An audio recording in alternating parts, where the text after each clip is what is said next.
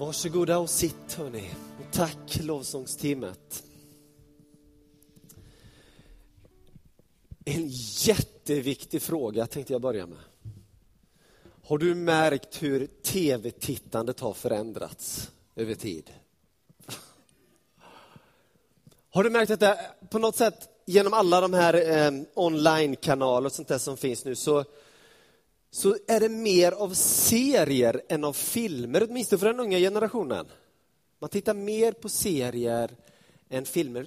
Ser du på någon serie? En hand högt upp i luften, du som ser någon serie här inne. Ja, det är några stycken. Ja. Eh,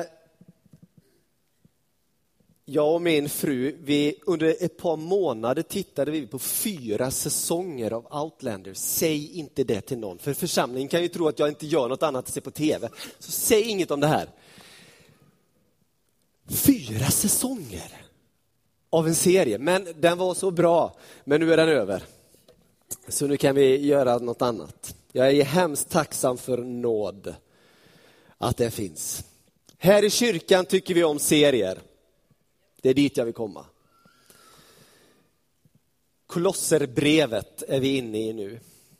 Och vi ska gå vidare i Kolosserbrevet eh, från kapitel 2, vers 6 till 15 idag.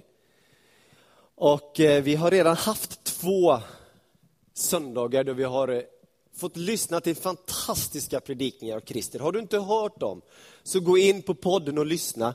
Har du hört dem på podden och hört dem här, gå in på podden igen och lyssna, för det är bra. Det är bra undervisning som vi behöver. Jag tänker mig, vi ska gå vidare idag, men vi behöver också ta med oss lite grann av det som redan har sagts, för att det är, det är så viktiga saker. Så därför ska vi backa tillbaka lite, för jag, jag, måste få säga ungefär som Petrus sa om Paulus, att det mycket som han har skrivit är obegripligt. Svårt att förstå, och mycket det som Christer har sagt är svårt att förstå. Men idag ska jag ge klarhet över det här. Jag sko skojar bara. Vi har lite grann den jargongen, Christer. Nej, det, ah, det var ett skämt. Så, så eh, previously in Colossians, det som har hänt i Kolosserbrevet. Paulus, han skriver ju ett brev med ett syfte givetvis. Och, och ska man titta lite grann på, på vad det är han har tänkt och vill med det här brevet, så åtminstone tycker jag mig kunna se det här att han vill rätta till ett, ett missförhållande. Han vill rätta till ett felsteg eller ett feltramp eller ett felskifte i församlingen som han skriver till. Det hade tydligen smugit in sig något som man kallar för kosmiska makter, eller det är en, en hemlighet, något mysterium som, man, som på något sätt likaställdes med Jesus Kristus i församlingen.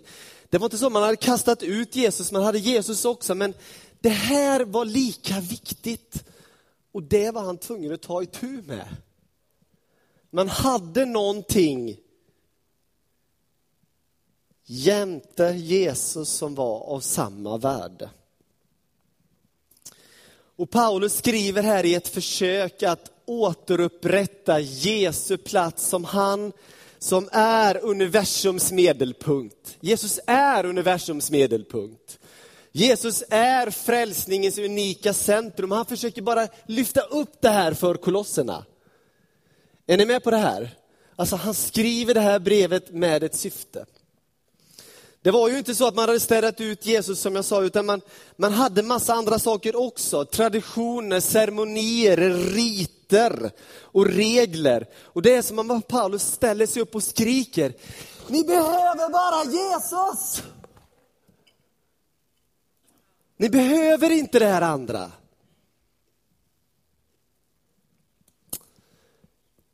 Kolosserbrevet är nog det brev i Bibeln som jag tycker är där vi finner den största och vackraste högkristologin. Alltså det är Jesus som är centrum, det är Jesus som det handlar om, det är Jesus som det gäller. Det finns något som kommer tillbaka som ett omkväde i Kolosserbrevet och det är i honom. Har ni tänkt på det när ni läser? I honom, i Kristus. I honom har vi allt. I Kristus är det fullbordat. I, det vet, I honom hela, hela, hela tiden. Och sen du kom hit, Kristi, jag måste få gå tillbaka till det, så, så har vi ett annat omkväde i vår församling. Som jag tycker är så bra och som vi behöver landa i gång på gång på gång. Jesus plus ingenting är allting. Känner ni igen? Vänd dig till din granne och säg det. Jesus plus ingenting är allting. Bra. Jesus plus någonting är ingenting. Vänd dig till din granne och säg det. Fy vad dåliga vi var på det. Alltså jag ser ju. Men det är bra ändå. Det är bra ändå. Alltså jag älskar Kolosserbrevet på grund av flera olika anledningar, men två av de anledningarna, eller två av de bästa anledningarna, det är just det här att Kristus är nog. Det är det som det lyfter fram, brevet, hela, hela tiden. Det andra är den, den ledarskapsskola som Paulus tar oss med in i, i Kolosserbrevet. Ni vet, han, han är fullt medveten om att det är någonting som behöver korrigeras i församlingen. Men det är ändå inte det han ser när han ser församlingen. Han ser en, en kropp som han älskar. Han talar om deras tro och deras kärlek till alla de heliga och han lyfter församlingen.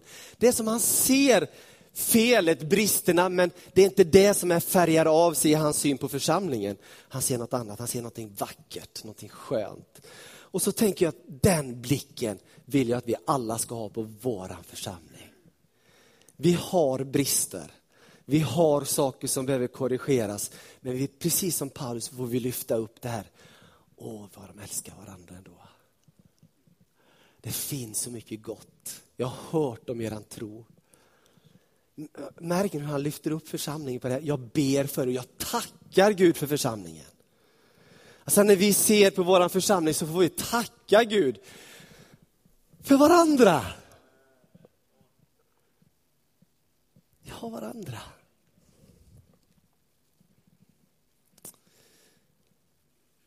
Paulus är övertygande i sitt brev. Han är övertygande med detta att när vi ser på Jesus så ser vi den Gud som inte kan ses. När vi ser på Jesus så ser vi på någonting där allting är sammanfattat. Han är själva orsaken till hela universum. Genom honom är allt skapat och för honom är allt. Du vet, allt. När vi ser på Jesus så ser vi den stora hemligheten, Guds hemlighet.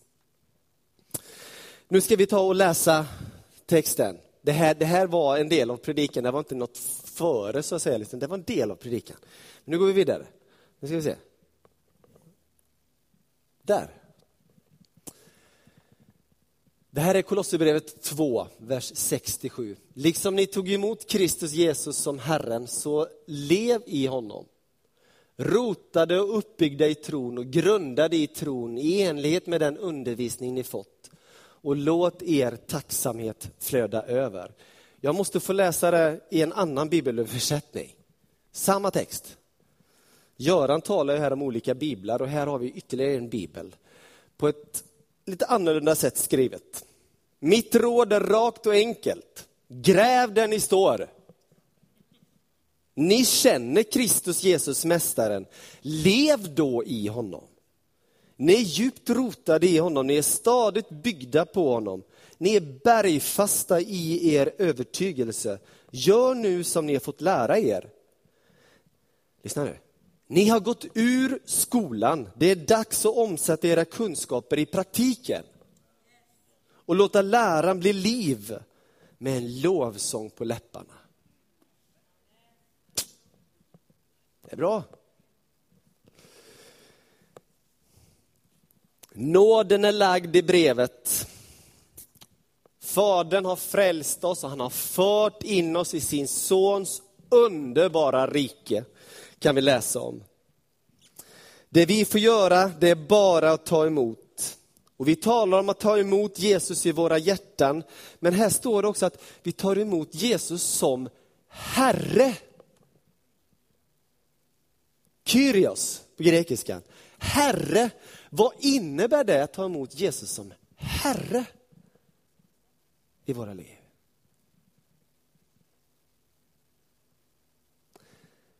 Jag har funderat en hel del över detta och jag har funderat över hur bra är vi egentligen på att ta emot Jesus som Herre i våra liv. Vi tar emot Jesus. Säger ja till honom. Men hur mycket Herre är han i våra liv? På riktigt. Vad betyder det här? Lev då i honom. Ordagrant i grekiskan står det så här, vandra i honom. Alltså, upptäck grejer, det är det man gör när man vandrar, eller hur? Mer och mer och mer.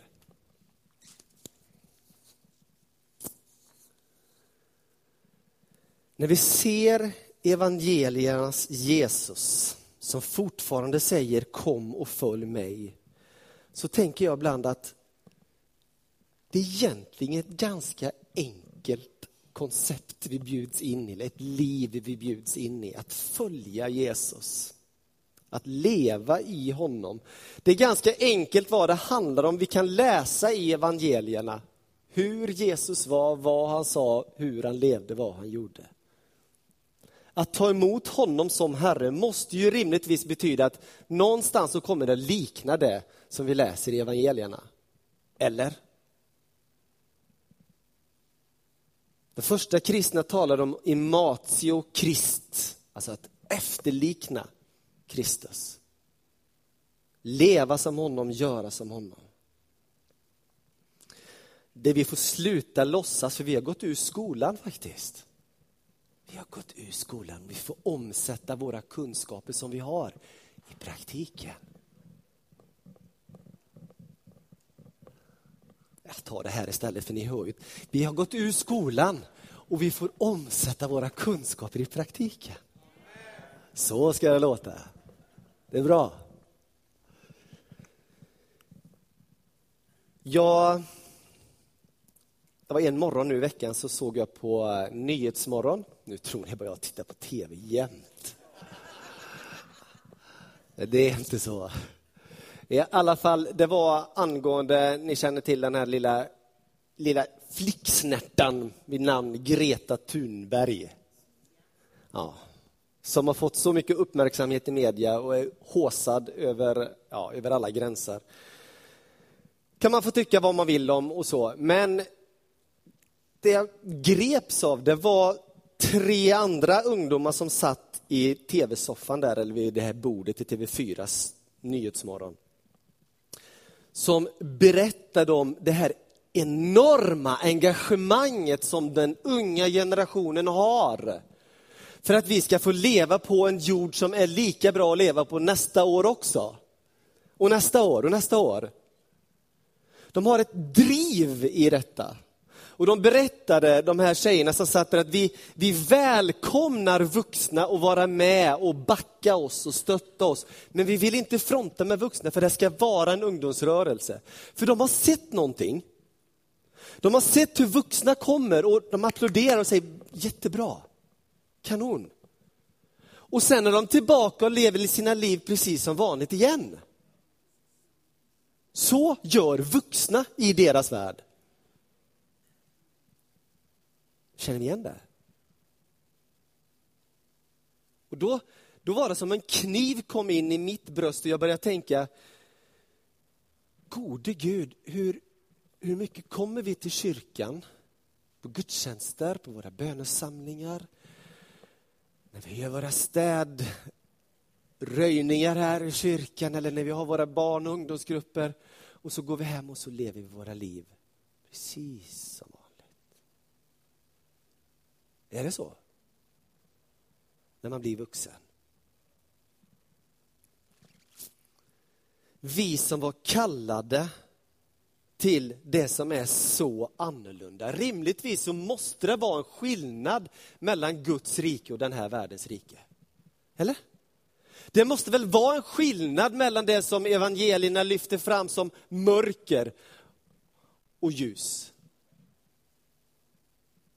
Det måste vara någon skillnad när Paulus talar om den gamla människan och den nya människan. Eller är det ingen...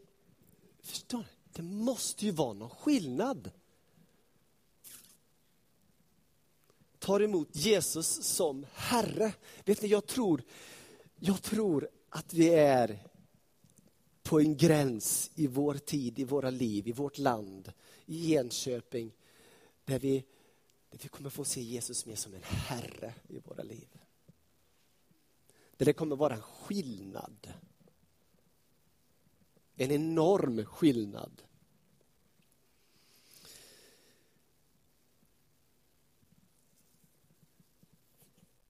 Christer, du har sagt några gånger att vi behöver vara mer lutherska i vår kyrka här. Amen, hörde jag här. Någon, det var det som sa. Eh, trosbekännelsen använder vi oss inte så jättemycket av i vår kyrka här. Eh, men jag har fastnat framförallt i den nicenska trosbekännelsen så är det två ord som är så betydelsefulla. Och för att, för att slänga mig lite så tänker jag ta det på latin och det är pro nobis. Vet ni vad det betyder? För oss, betyder det. Kristus har kommit för oss. Han har offrat, offrat sitt liv för oss, pro nobis. Eh, hela Kristi liv handlar om den andre, för oss. Och vi är kallade att leva som Jesus levde. Och då handlar det inte om att leva bara för mig själv, utan för andra.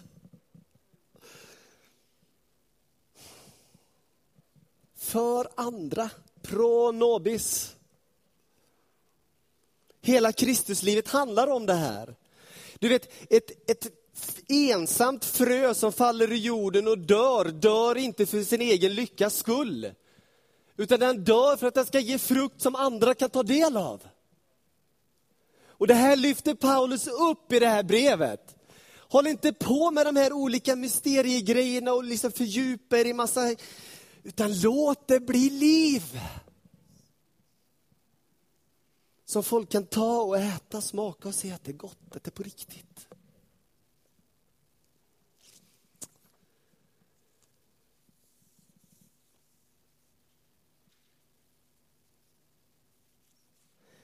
Ni vet, alltså bara läsa lite, lite, lite kort, vi kommer snart läsa hela, men hur nästa stycke i den här texten börjar. Då står det så här, se till att ingen fångar er. Och så kommer han vidare sen, vi ska läsa vidare sen. Det han kommer till sen, efter det vi läste här alldeles nyss, det är att här finns det en frihet. Och i det andra som vi kommer till finns det en fångenskap.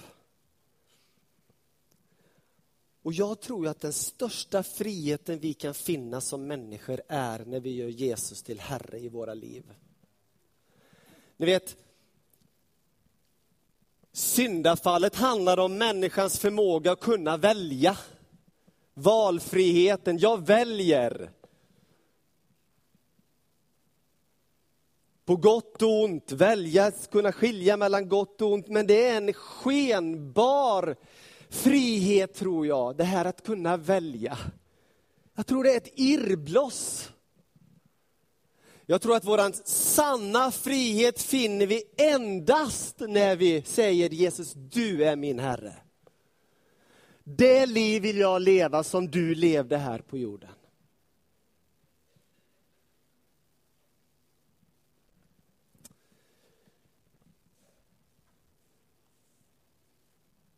Nu läser vi vidare.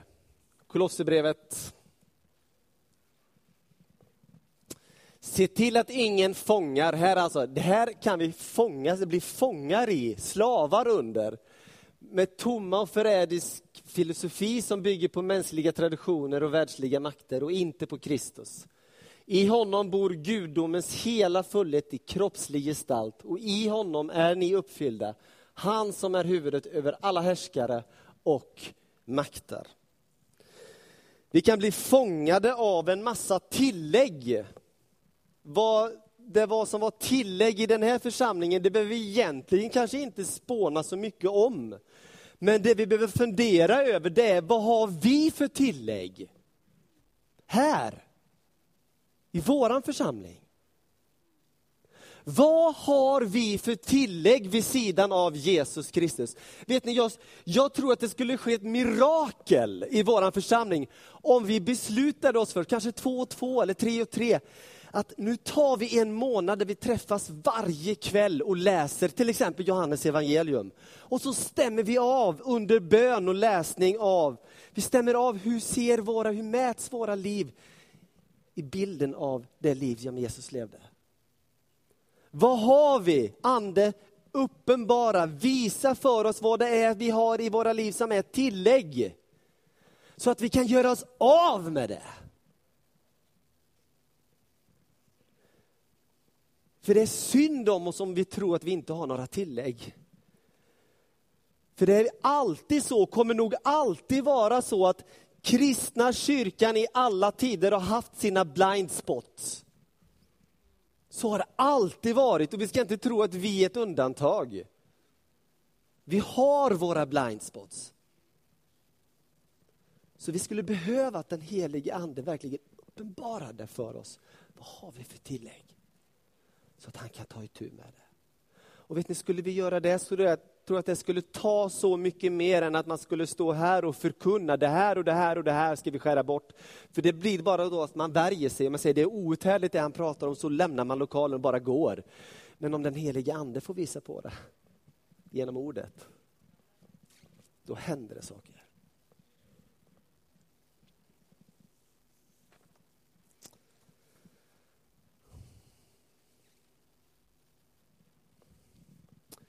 I honom blev ni också omskurna, inte med människohand, utan med Kristi omskärelse, när ni avkläddes er syndiga natur och begravdes med honom i dopet. I dopet blev ni också uppväckta med honom genom tron på Guds kraft, han som uppväckte honom från de döda. Ni var döda genom era överträdelser och era oomskurna natur. Men också er har han gjort levande med Kristus. Han har förlåtit oss alla överträdelser. Och utplånat skuldebrevet som vittnade mot oss med sina krav. Det tog han bort genom att spika fast det på korset. Han avväpnade härskarna och makterna och gjorde dem till allmänt åtlöje när han triumferade över dem på korset. Wow.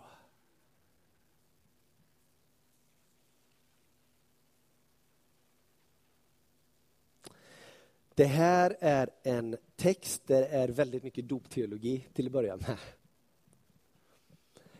Eh, våra, våra underbara vänner i den lutherska kyrkan finner i den här texten en, en otrolig backning för, för barndopet. Men vi är en baptistisk församling här, så jag ska inte gå in på det, det är en annan predikan.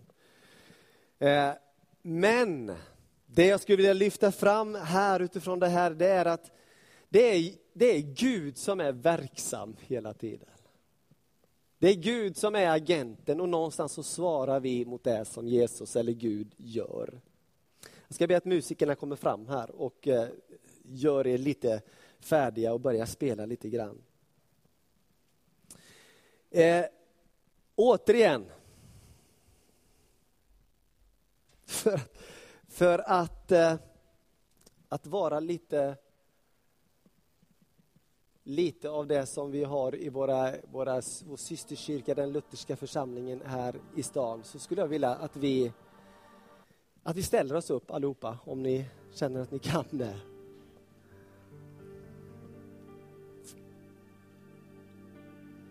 Och ni vet, det är ett skuldebrev som du och jag har burit på, som har spikats på korset. Eh, vi har alla ett skuldebrev. Men du vet, det där är raderat. Men ibland så konkar vi runt på det ändå. Förstår du vad jag menar? Jag tror att det här är den stunden då vi ska få på nytt få spika vårt skuldebrev på korset. Eh, jag skulle vilja att vi sträcker oss emot Gud med i våra hjärtan, verkligen. Och för Gud och för dig själv, att du bekänner din, din skuld, din synd, det som, det som finns där. Alla, alla krav du kanske har haft på dig och alla, alla saker som tynger dig, som har funnits där under en lång tid. Att du bara, att du bara tar det och visuellt för dig själv skriver ner det på det där brevet och så spickar vi det där korset just nu. Så om det känns bra för dig så får du gärna lyfta dina händer eller lägga din hand på ditt hjärta. Och så ber du vår Herre om syndernas förlåtelse.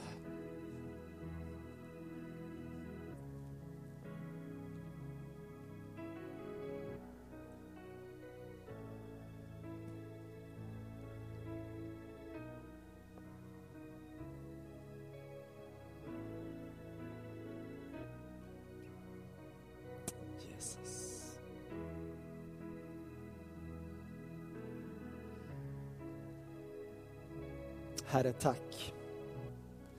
Herre, tack för att du är den som, som vill ha allt det som vi egentligen inte vill ha.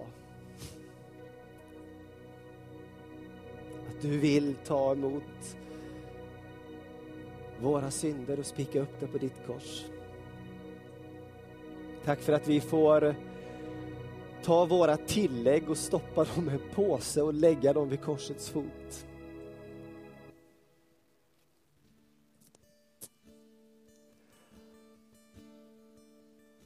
På min mästares uppdrag, på din egen bekännelse, så vill jag ge dig en avlösning från himmelen. Dina synder är dig förlåtna. Du är en fri människa Jesus Kristus, i honom, i honom.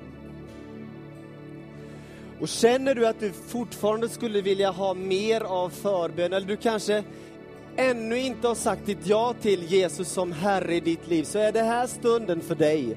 Då du kan få komma fram här, här nere, där det kommer finnas människor som ber för dig. Så ni förbedjare kan gå fram där nu.